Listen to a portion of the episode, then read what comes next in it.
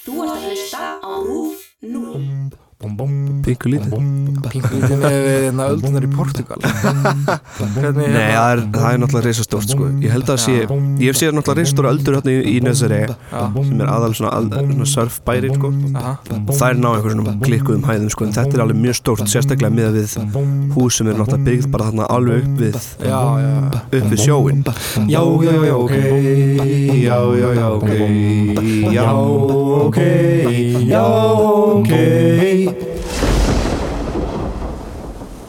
Vili, Já. Finnst þér rigningin góð? Na, na, na, na, na. Wow. uh, já, mér finnst það allt í lægi sko.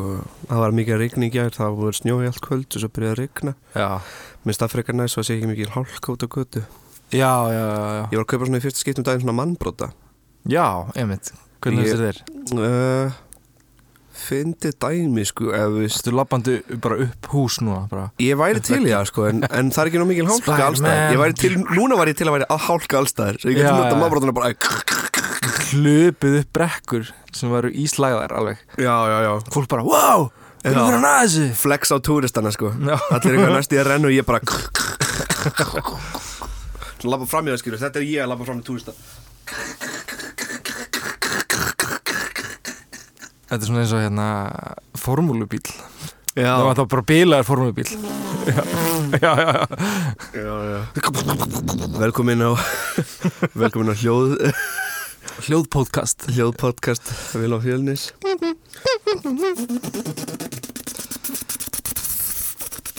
En sko talandu rigningu. Já, uh, Við Íslandingar erum heldur vön rigningu og skrýtnu svona rigningaveðri. Það við. Það er rosa sjálf sem við getum nota reglíf til dæmis Já, man, það er eiginlega hægt að spotta túrista Þegar þeir eru að nota reglíf Það er túristi. Túristi. Engin íslendingur nota reglíf Já, sko, alveg svona útlanda reglíf hjá mér, ég kalla hana útlanda reglíf að því mist bara reglíf var svo útlanda legar bara yfir höfuð.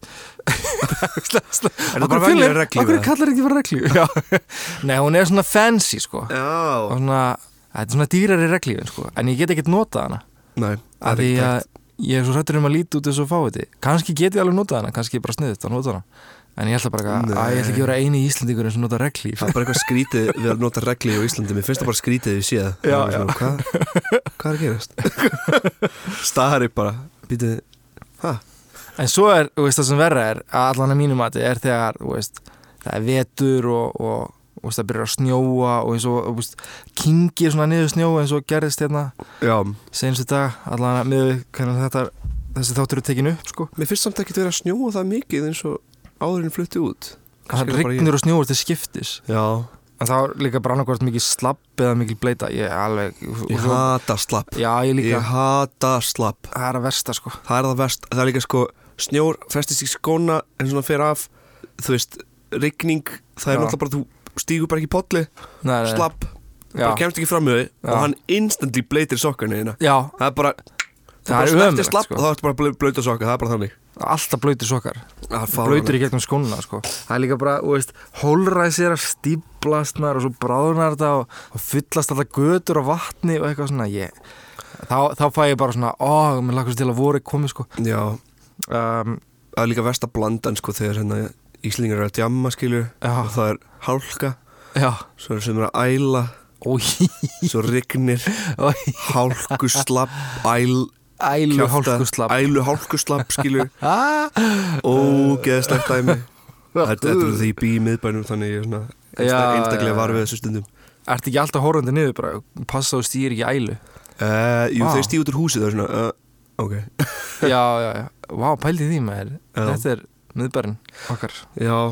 Ég var endan leiðin heim. Oh, Já, Sorry, ég man ekki nafnið. En einhver bað mér bara sjátt á þetta já á sjátt á á hann. stoppa, stoppaði mig.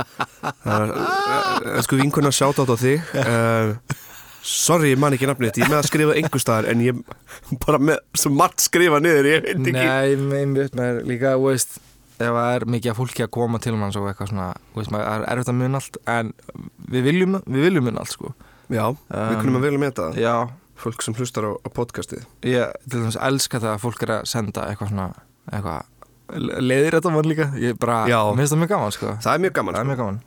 En, herrið, já, talandu svona óviður þá finnst mér samt ógislega gaman að fara í sund í óviðri Já, það er ógæslega er næst sko. Það er einhver, einhver sk- aðskilir frá óveðrunu strax og þú ferð undir vatnið Já, já, já, þetta er svona kontrast veist, það voru í heitum potti og svo rigning. Já Það er náttúrulega besta sko, Það er rigning í heitu potti. Já, oh my god maður. Herru, en við Íslandingar erum ekkert ofun slemmu veðri, við vitum það kemur og við vitum að það lægir uh, við höfum byggt húsun okkar þannig að þau eiga þóla slemt viðfar en þó sumir storma séu áhyggjuefni þar sem mikið tjón getur átt í stað þá vitum við að það mun lægja. Já, uh, eins og málsátturinn segir það er alltaf logn á undan storminum. En það er hægt að tólka þannig að það komi líka logn á eftir storminum. Ú, Ó, wow, deep fjölir, wow, deep ég var bara að horfa í gegnum Já. Aha, ok Uh, en annars þær í heiminum hafa stormar heldur betur farið illa með fólk. Um, bæði er það út af fellibilum sem myndast því nær sem þú ferðast miðbögjarðar og byggingastíl þar sem hús eru byggð ekki nógu sterklega. Um, við ætlum ekki að alhæfa en, en við Íslendingar erum frekar góð í þessu sko. Að gera sterk hús? Já, að gera góð hús sko. Já, algjörlega. Já, Ég bý hérna uh, aftur Portugal hérna. Já, uh, svona uh, líkindin. Uh, Í Portugal þá eru húsin ekki jafn svona með svona þykka veggi sko, svona einangruð. Nei, nei, nei. Þannig að veturinn er sko það er sko kjánalega kalt inn í húsum. Það er eiginlega fáránlegt sko. Já, já, Svo er ekkert verið að hita húsin skilu þannig að þú ert lappandi um bara í náttutum og teppi skilu á kvöldin. Þetta, það er alveg ruggla dæmi sko. Já, já og við eigum mikið að heitu vatni líka til að kynnta Það er að auki sko. En ólíkt svona lægðum sem farum Ísland og myndast og diffka á mörgum kaldra og hlýra loftmassa sækja fellirbilir orkunni sinni í varma sem losnur úr lægingi við að raki í loftið þjættist í skíadrópa. Slík þjætting á sér stað í risavöxnum skúra klökum þar sem uppstreymið er mikið uh, og skúra klakar uh, þetta, er, þetta er svona háreist skí Já. þetta er svona efstu, efstu, efstu skíin Efstu skíin Uh, svo færist þessi ský frá miðbygjarðar og þá er svifkraftur jarðar orðin það sterkur og hann sveigi í loftinu og leið þess innan miðju lagðar og býr til ringstreymi. Já, Þetta er svona örskýring á því hvernig fellibilir verða til. ok Uh, náttúrhanfarir hafa verið margar, allt frá fellibilum, elgósi og flóðbylgjum. Flóðbylgjur eða tsunami, þar sem sú þýðir höfn og nami þýðir bylgja eða alda á. Mm. Uh, geta myndast í kjölfar jarðskjölda en yfir 80% flóðbylgja eiga upptök sína vegna jarðskjölda. Annars gerist það út af jökulhlaupi og eldgósi og magnastótt upp þegar þær koma að landi. Uh, hrun í landgrunni eða hrun í sjó, til dæmis ísjakar, geta orsaka flóðbylgjur og ekki hægt að útiloka stóra loftsteina sem hafa komið á stað höggbylgjum þegar þeir splundrast. Til dæmis Sjælabinsk í Rúslandi árið 2013 en svo högbylgja eh, var meira en, en kemur frá kjarnokkusprengi.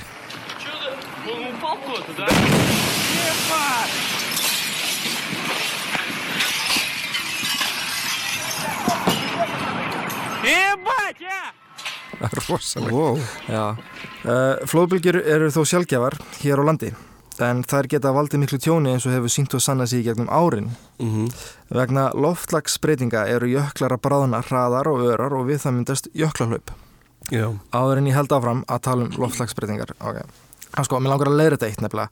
Að því það eru svo margar svona efasandi rattir gegn loftlagsbreytingum. mm Uh, mér vantar eiginlega helst einhverju svona kennslu tónlist með þessu. Já, þarna, nákvæmlega. sko, röksendir efasendamanna uh, eru þær að loftslag jarðar hefur seiflast mikið lungu áður en við byrjuðum losun og koldioxid út í andrúsloftið. Evrópar var hlýrri á miðöldum. Á átjöndu öldu var mun kaldara saman þær svo kallað litlu ísöld en ef við horfum lengra aftur í tíman þá var hítasti jarðar nokkrum gráðum meira en það er í dag. Ok, það sem vísindi segja er að náttúrulegar loftlagsbreytingar fyrir tíma sína fram á viðkvæmi loftlags í breytingu í orku jafnvægi. Þegar jörðin sapnar í sig hita, hækkar nattrænt hitastig. En það sem við stöndum í dag er koldjóksið að auka orku ójafvægi vegna aukina gróðurúsa áhrifa. Fyrri loftlagsbreytingar veit okkur sönnun fyrir viðkvæmni loftlags við breytingu á koldjóksið. Þannig að Náttúrulega loftslagsbreytingar eru eðlilegar en við mannverur með okkar neyslu og neysluhyggju erum að hjálpa loftslagsbreytingum að eiga sér stað með að auka orku ójafnvægi með öllu því koldjóksið sem við setjum út í kosmósið. Við getum ímynd okkur að við séum veist, í bát Já, og stundum ruggar bátnum eðlilegt en svo stöndum við upp og byrjum að rugga bátnum sjálf. Veist, þetta er þannig. Þetta er já bara það er það sem við erum að gera Já, já, já. Þannig að loftslagsbreytingar er ekki endilega eitthvað nýtt sem bara Svo, svo er einhver gauður eitthvað Herðu, mér skilst að þetta, að þetta rugga báttum sé ekki góð hugmynd. Er það já? Ég man þarna fyrir þrem dögum þegar kom lítil alda og ruggaði bátnum aðeins. Það var alveg eins. Já, já, já, já, já, einmitt, já, nákvæmlega. Já, og, og einmitt og, hérna, og við erum heldur betur að slá mörg með líka allt í einu og Já, eldarnir í Ástralíu. Já, sá eldsvoði er að slá mörg með heldur betur. Ég sko Ég get ekki hugsað mér, sko, þetta er fáránlegt En, uh, ok, vegna loftslagsbreytinga og aflegginga þeirra hefur sjávastaða almennt verið að hækka í heiminum og aftaka veður atbyrðum að fjölga. Þessar breytinga leiða meðal annars til þess að sjávarflóð verður æ algengara. Ok, ég, nú er ég, er aðeins að nálgast titil þáttarins. Kondaður efnir Uh, Ebla hefur Já. undanfæri missir verið að kanna flóðhættu Reykjavík og með hvað hætti megi vernda byggð í kvosinni. Uh, á Reykjavíkusvæðinu á sér stað landsig en sjávarstaða er einnig hækkandi. Sjávarstaða í Reykjavíkuhöfn hefur verið mæld síðan 1956 og landsig í Reykjavík hefur verið mælt með GPS mælingum frá árinu 1997. Mælingar sína að landsig í Reykjavík hefur verið um 2,1 mm á ári síðan GPS mælingar hófust árið 2007. Bein sjávarborðsækun hefur verið um 1,5 mm á ári á þessu ára byli. Líklegt þykir að landsig eigi eftir að halda áfram í Reykjavík og einnig hlínun jarðar sem leiðir til bráðunum jökla og útþenslu sjávar, valda áframhaldandi breytingu á sjávarborði í framtíðinni. Og ef við horfum svo til framtíðar þá sína rannsóknir að á áhrifum jökla á hækkun sjávarborðs benda til þess að sjávarborð á hafsvæðum í grend við Ísland kunni að hækka um 0,5 til 1 metra til ársins 2100.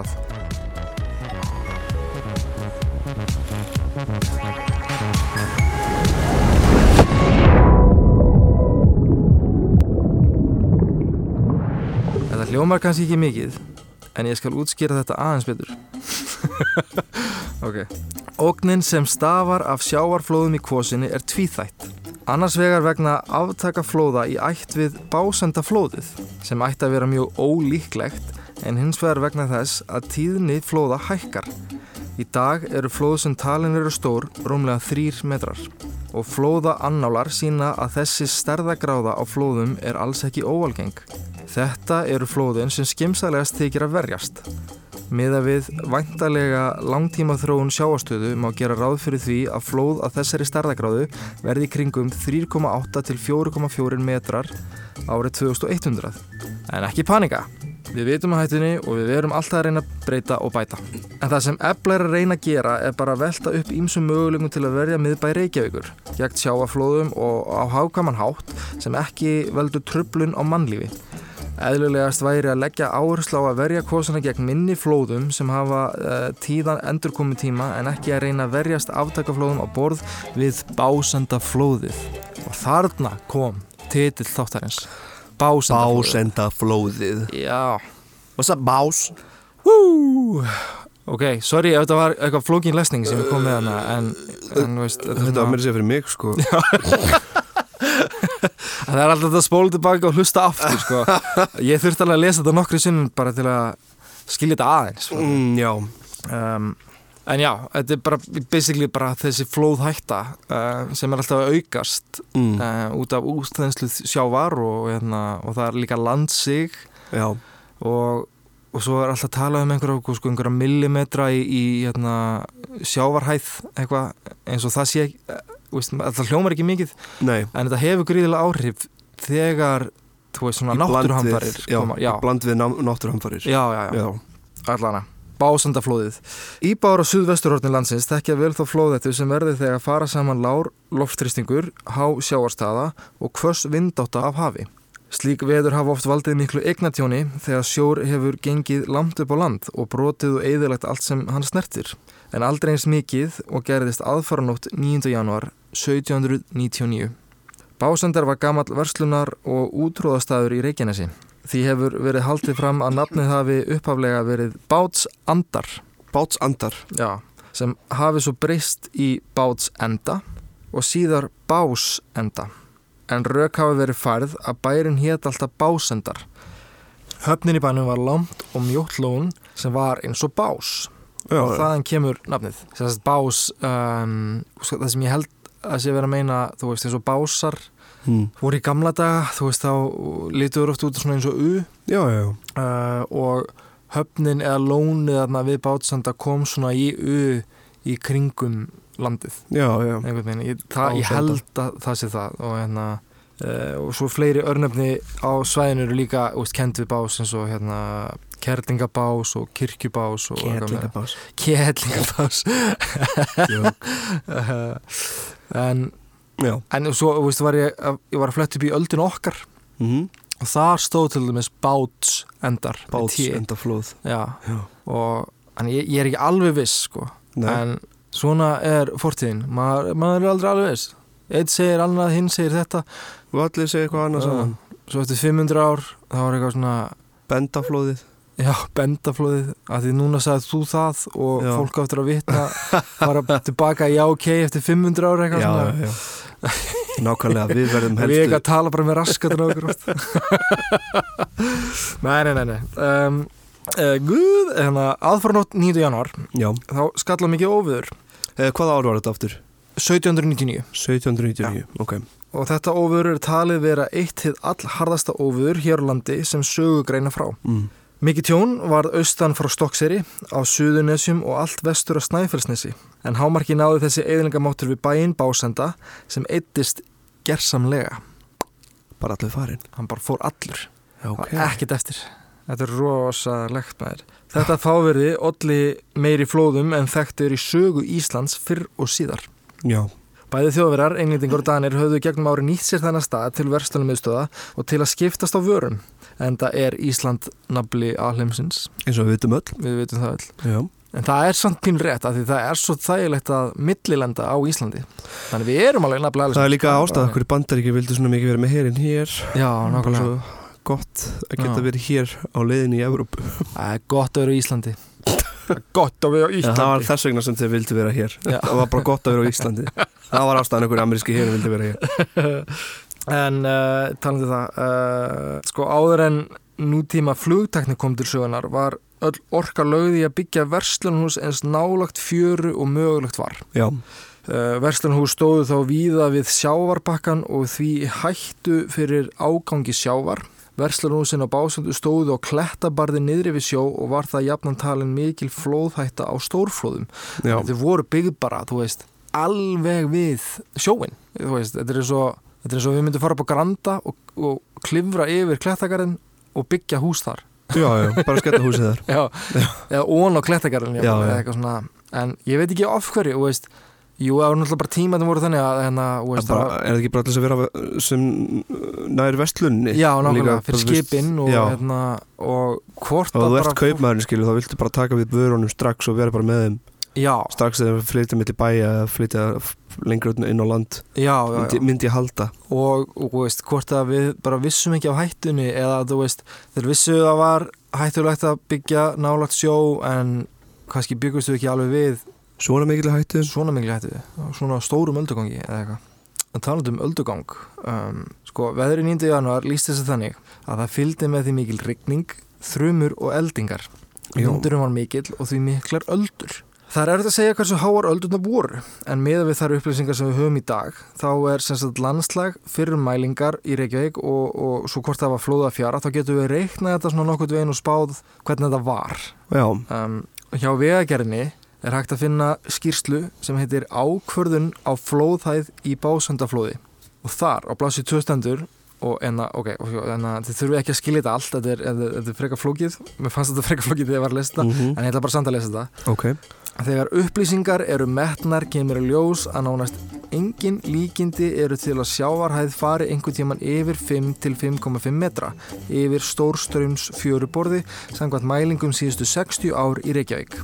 Sjávaborð hækkar um 1 cm á hvert millibar sem loftþrýstingur fer undir meða loftþrýstings.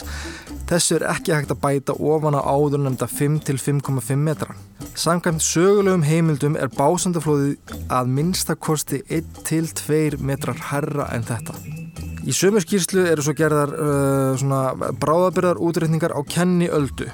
Og, og sko, kennialda er sem sagt meðaltal á hæð öldu yfir eitthvað ákveð margar öldur og svo þriðjungur þess.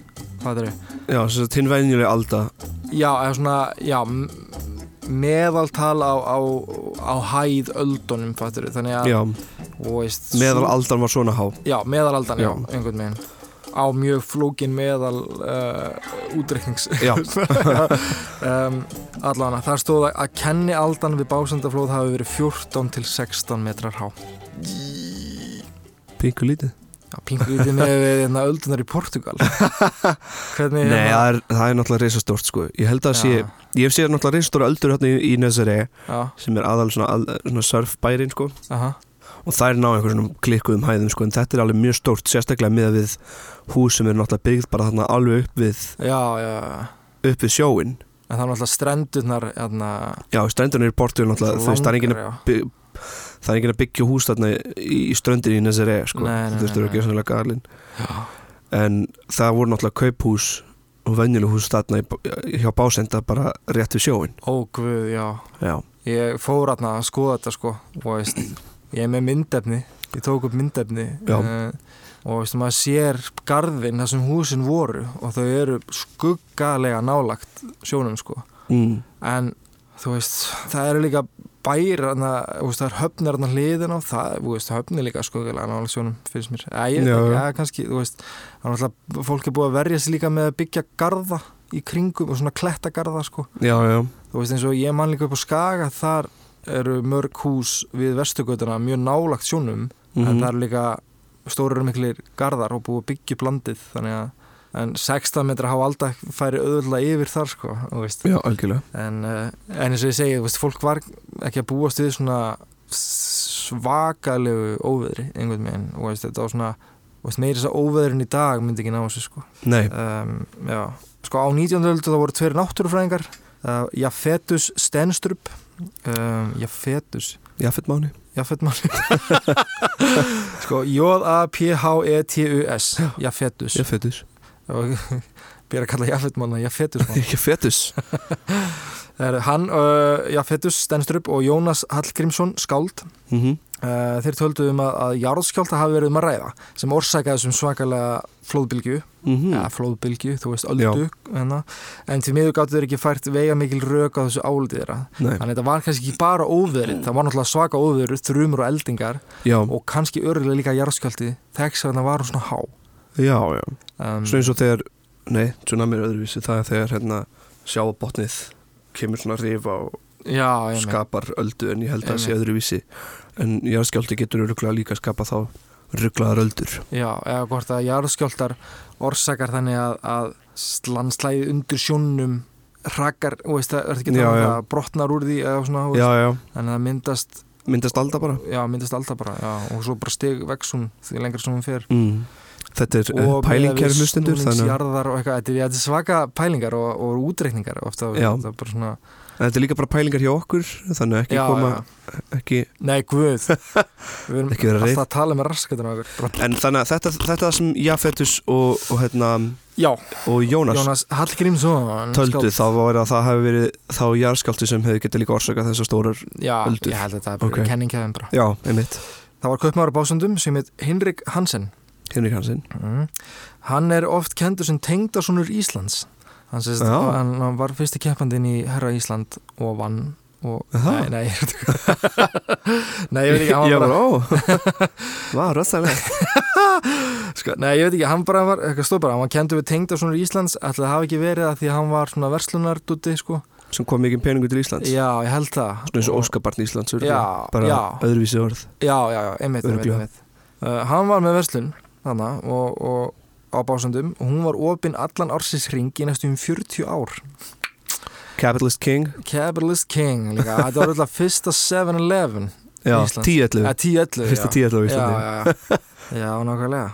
Ég vann einu sinni mitt í 10-11 Herði, þú í óróa, já, í líka í óróa. Ég var, ég var í órói í, í, Að vinna í T11. Í óróa, óróa karakter minn vann í T11 Svo setna byrjaði þeir að vinna í T11 Þannig að Vá. það var daldið svona steikt Fólk var alltaf með einhver brandara sko. Svona, Hvað, ertu að vinna í T11 Þú ert að leiki ég held að- leika þú væri í T11 Ég er eitthvað, já. Villi var yngsti methodleikarinn á þessum tíma Já, post method, eh, fyrir method eftir myndina. Já, Nei, ég var svona daldið ungur þegar ég var að vinna í T11 sko, og svona, maður Já. mætti þreyttur eftir jam og eitthvað svona en, en, en all nighters. maður lærði síðan að hætta því. Já, Svo var ég að vinna á kaffið Róma líka sem er ekki lengur til hitti þar fólk sem svona hvar var Kaffi Róma? það var það hjá Hlemmi Já, mást á mótið þarna hótelinu sem er nálat já, já, já, já. og ég vann svona með fólk sem ég hefði, hefði örglega ekki kynst svona í mínu daglega lífi sko þannig að Alma og Sandra voru algjörir, Shout out. algjörir meistara sko. Mjög skemmtilegar. Kaffi Róma er náttúrulega það er það sem myndin Róma er byggð á. Já, einmitt. nákvæmlega þetta kaffi Róma þannig að Hlemmi Sonja Um, Búlun í Köpen Já, Ég var líka, ég var líka í fellaskóla. Sjátt fellaskóli. Fellaskóli já. Ég var í fellaskóla Ég, eh, ég er líka búin að vinna fullt á stöðum sko. Já, einmitt, Já, einmitt. Tjók. Sorry, af hverju fór ég þetta? Já, þetta, hann, hann, Hansen já. hann, Hvað heitir hann? hann Hinrik Hansen. Hinrik Hansen, hann var 10-11 Já, ekki, einmitt, hann, hann já, skapaði ekki 10-11, ekki verið að hlusta þetta. Var, Hinrik Hansen var maður bara, kaupmaður sem var opinn bara allan, allt árið. Og, og var bara að koma inn með fullt af peningum og vann þarna við básenda. Já, yes. og hann bjó í verslunin sinni líka eða veist, verslunin var íbúðurhús líka. Já, neðri hæðin kannski og, Já, eitthvað úr svona, já, já. og hann bjóði mig þar sko með konu sinni Sigri Sigurdóttur og fjórum börnum. Já þau sko lifðu öll þetta af. Hann bjó alveg við sjónum það ekki? Jó, Já, þau lifðu all, allt af sko. Ok, en, en, en að því að bærin sko gjörsalega yttist, fór bara.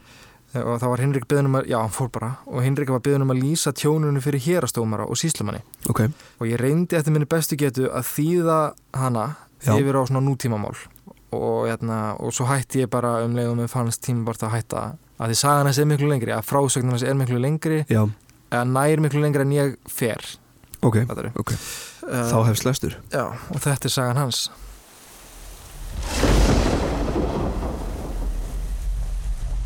Vegna aðstæða verði ég að bera fram fyrir hérastómara tjónur hræðilega á verstunastæðunum básendar sem ég hafi fengið náðar samlega. En út af þessu öllu er ég orðin gjaldróta með ung börn Æ. og lítið á milli handana. oh, Mm. Til að hérastómari skilji fullkomlega hvað gerðist mun ég segja söguna nákvæmlega eins og hún gerðist. Sést þá hversu slemt veðri var, hversu mikinn eigðilingarmátt það hefur og hversu nær dauða en lífi við fjölskyldan vorum. En það byrjaði þannig að ég, konan og börnin vorum öll háttuð og farin að sofa. Vakna ég um nóttina klukkan tvö, gíska ég, og verð var við hversu veðrið frá suðri til vesturs var farið að magnast. Svo mikið að það var farið að braka í húsinu. Svo byrjaði ég að heyra skelli. Hvern á fætur öðrum. eins og veggbrjótur væri að reyna að rífa hlið húsins og undurstöðuna þess. Það var þá sem ég fór á fætur til þess að aðtuga hvað var í gangi. Þrátt fyrir að það væri svarta myrkur ákvað ég að opna útidýra hurðina. Og þá braust sjórin inn á svo miklum krafti að það fyllti herbyggið á engum tíma. Mm. Flýjum við þá fjölskyldan, öll hálfnakin upp á loft. Því við vorum hrætt við að við myndum drukna í öllu þessum sjó sem var komin inn í húsið. Og út af myrkrinu þorðum við ekki út úr húsinu, bæði út af öldugangi og stormunum úti. Einnig vissum við að allt umhverfið var hulið sjó og ég þakka Guði fyrir að við fórum ekki því við höfum örgulega öll farist og druknað. Við stóðum upp á lofti í langan tíma í síföldum ótta við að við varum að fara að deyja og veðrið og allur sjórin myndi þá ná að rífa húsið með sér. Stormurinn og bremið landi síföld á húsið svo að það fara brotna úr því og sjór flætti inn og út. Það var um cirka klukkan sjö þegar við treystum okkur ekki lengur að býða upp á loftinu. Braut ég því gluggan á norðurliðinni. Þar smegðu við okkur öll út, aftur hálf nakin Ég held á yngsta barninu undir handlegnum á meðan sjórin flætti yfir og skólaði öllum borðum, fjármunum og dóti sem við áttum í burtu. Eftir erfið sköngu og lífshættu komust við loks að fjósinu. Fjósið stóð aðeins herra og fjær sjónum en íbúrhúsið. En eftir cirka 45 mínútur gaf einn vekkurinn sig í fjósinu og þurftum við að flýja inn í hlöðu. Þar var einn vekkurinn brotin fyrir en ég hefði áður hlaðið með trjá viðardóti. Þar stóðum við skjálfrandi í nokkur tíma þanga til helmingurinn af þakinu fauk af. Og hinn helmingurinn blakti eins og blað. Til þess að reyna að bjarga líf okkar gerðum við seinstu tilraun til að flýja og yfirgáum köpstæðin. Leitumst öll saman og heldumst í átt að næsta bæ. Við vóðum og skriðum í rókinu þar til eftir erfiðisgöngu náum á bæ sem heitir Lóðvík stofa þar sem við fengum loks hjálp. Jésús Þetta er sagan þeirra Hann opnaði bara þarna dyrna til helvítis basically sko, Já, basically og það var ekkit eftir af básundum eftir þetta Nei. En Baldi, hann opnar hurðina í nýða myrkri og hann bara veit ekki alveg hvað er að skeja, hann bara heldur þessi óveður já, á sama tíma og, og hann líður eins og sé verið að bara rífa húsi niður. Það er bara, svona, bara fullt af einhverjum hljóðum opnar hurðina og það var bara eins og að húsi sé á kafi sjó og það bara flæðir inn. Mm og bara yfir hann allan og hann skýst eitthvað aftur og bak og eitthvað svona og, veist, og þau flýja upp á loft og eru döðhrættum að drukna í sjónum inn í húsinu. Já, það var maður.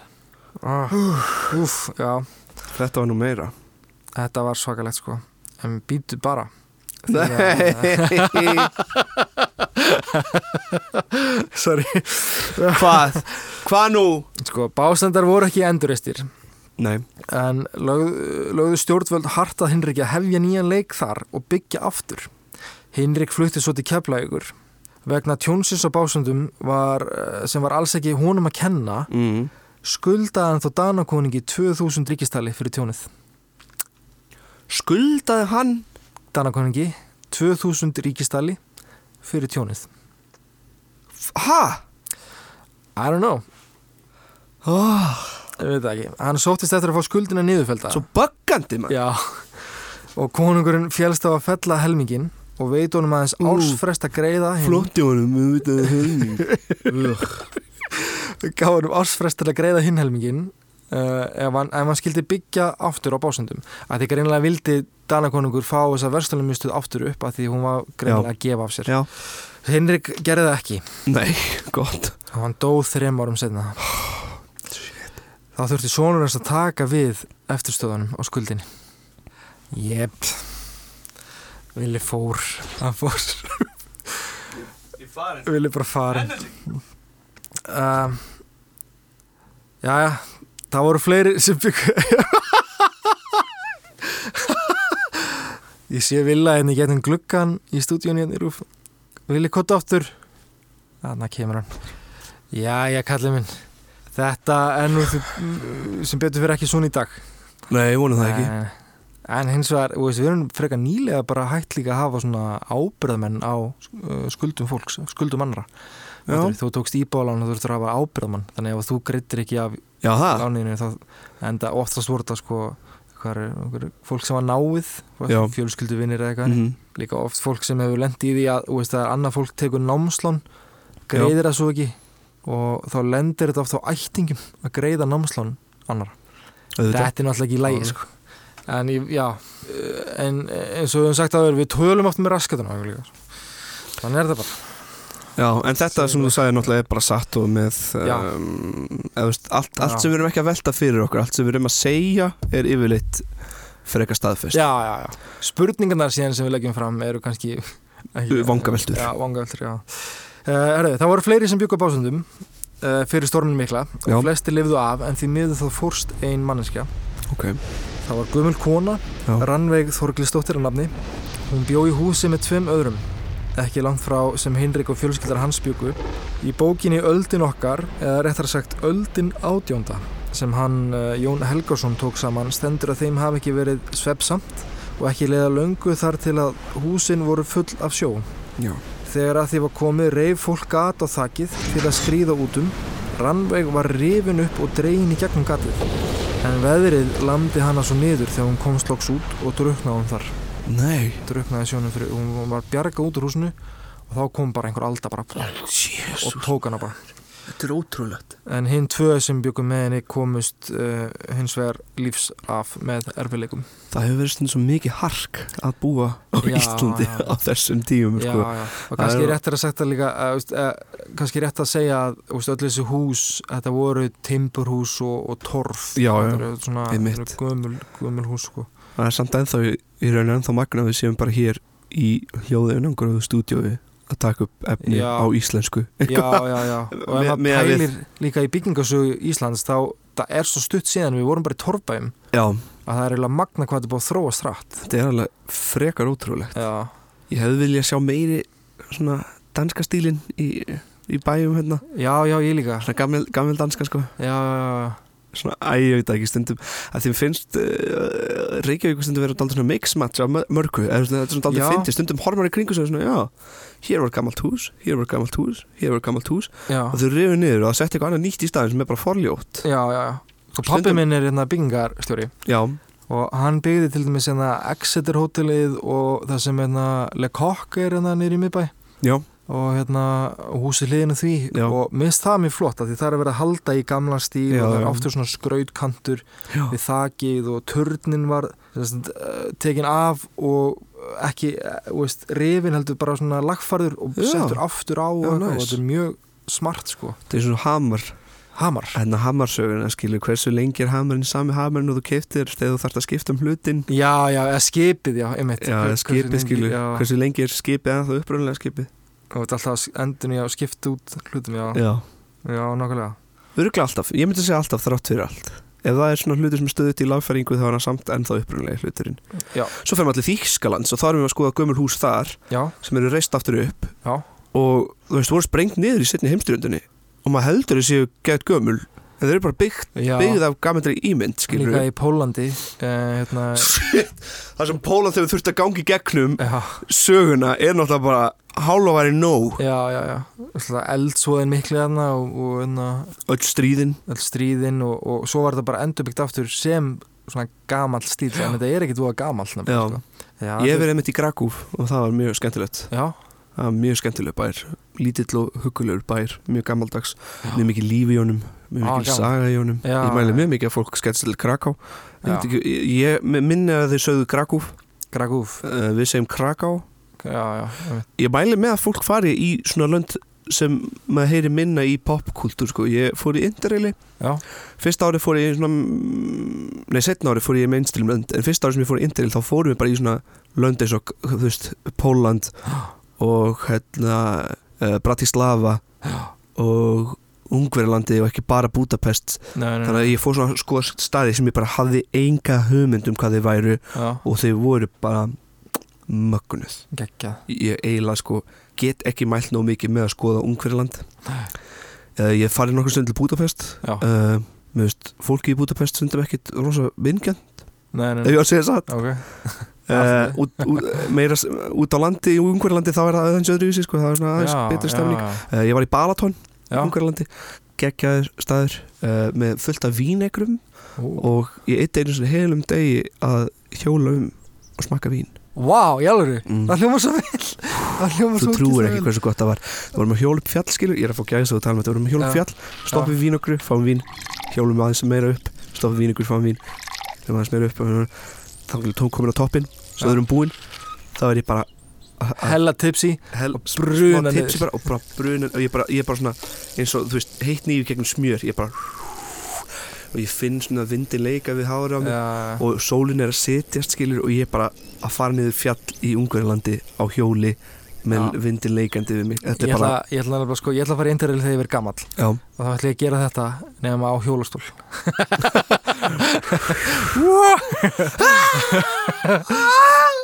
Nei, maður verður að ferðast meira sko, en maður gerir. Er, já það, það er vandamál sko, ég mæli með að fólk vil ferðast um Evropa og gera það bara með interraili þá að gera það með lest. Já, við Íslandingar náttúrulega erum erfitt með að ferðast á þess að fara í flugvél. Já og uh, ástandi eins og heiminum er núna þá er það náttúrulega dálítið böggandi. Já, ég meina kannski ítir undir bara þróun á, á flugvélum og elsneiti sem mengar ekki eins mikið líka. Já, ég er bara vonast Þannig að það verður hægt að svona- Það er eitt með öðruvísi að vera. Íslendingur og nota flugvél en að vera, veist, þjóðveri og nota Skil, þjóðveri getur tekið lest, það er ekkert mál. Já, já, uh, Íslendingar geta náttúrulega ekkert farið til útlanda nema með flugvél eða bát og ég veit ekki hvor er betri. Nei, það er alveg rétt. En Jú, örgulega bátur að því en, uh, bæði er bara, veist það fer gífurlegt bensín í, í eða olja í, bát. Já, og flugvél. Og flugvél hærra uppi. En, um, sko, ok, allana já, áttur að tjóninu á básendum. Uh, tjóni náði samt víðar en bara básendar uh, eða þess að stormurinn. Það var eiginlega allt Suðurland og Suðvesturland sem fann fyrir þessu. Reykjanes, Seltjarnanes, Akranes, Snæfellsnes og sem meira mætti telja. Wow. í Árnessíslu, réttar sagt Eirabakka og Stokkseri var tjón á 52 bílum og margir hesta druknuðu wow. 29 manns flúðu heimili sín þar. Önnur saga uh, er til að bonda sem hétt Magnús og var bondi og bæ sem hétt uh, eða heitir Stórarhraun. Þetta er svo langt síðan, ég veit ekki hvort það sé sami bærin og er í til í dag eða hvort það sé Nei. bær og annar staðar eða eitthvað Ok. okay. þannig. Allan að hann vissi að fólki sem var í lífsættu og öðrum bæ sem hétt Salthól. mm. Uh, hann fór þangað og náði að bjarga þeim öllum nema einum en það var Karl Smith Alexius hann hefði búið á bænum í 40 ár og ætlaði ekki að láta eitthvað óviður reka sig í burtu. Að hann heldur vilja farast með kotinu og bauð svo fólkinu bara góða nótt og lagðist upp í rúm og beið döðan sinn. Næsta borgun var farið að gá að hannum stóð þó bara nokkri vekkir eftir og rúmið hans Alexiusar með Alexiusi í á lífi veðri tókst það ekki að taka hann þótt kotið rindi ofan á honum helst þrjóska í manninu. Herri, og annað svakaleg saga sem ég bara sko, gæsa og að hugsa um sko. á Akranesi munaði litlu að eitt hrikalegt slis hefði gerst mm. Þar byggu hjón, Teitur og Ingibjörg með 12 mánaða gamla dóttur sína. Dyrfinnað að nafni. Stormurinn var mikill þar líka þannig að það flætti inn í stofuna. Gat fólk ekki flúið vegna veður svo var það tekið ráð að binda dyrfinu í vöggunni sinni upp í þakspöru svo sjóri naði ekki til hennar. En svo skeiðið kraftaverk. Stofan nefnilega hrinur. Nema hvað að það eina sem stóð eftir var þessi þaksperra sem dyrfina var bundinni og lifði hún af. Það er brjóla. það er útrúlegt. Ég sé þetta svo fyrir mér alltaf eitthvað svona Þetta er svo, svo epic eitthvað og rosalegt óveðum hvað var að gerast? Húsa hrinja og, allt í Jésús mm. og þetta er 1799 Já. ok, Já. En uh, ok, þrátt fyrir allt þá fórust líka mörg skipjóðurnu sem og mörg dýr bara í hundratali sko. Já. Á hérna, þessar vesturströnd Íslands. Mm. sem er mjög sorglegt. Það er það Já, krakka mínir, ha, náttúran er ekkit alltaf miskumsun um, og þegar á reynir á kraft hennar þá eigum við ekki sjens eins og hefur marg oft sannað sig mjög satt við eiginlega endur podcastinu þessum orðum Já, takk fyrir okkur takk fyrir okkur Já, já, já, ok Já, já, já, ok Já, ok Já, ok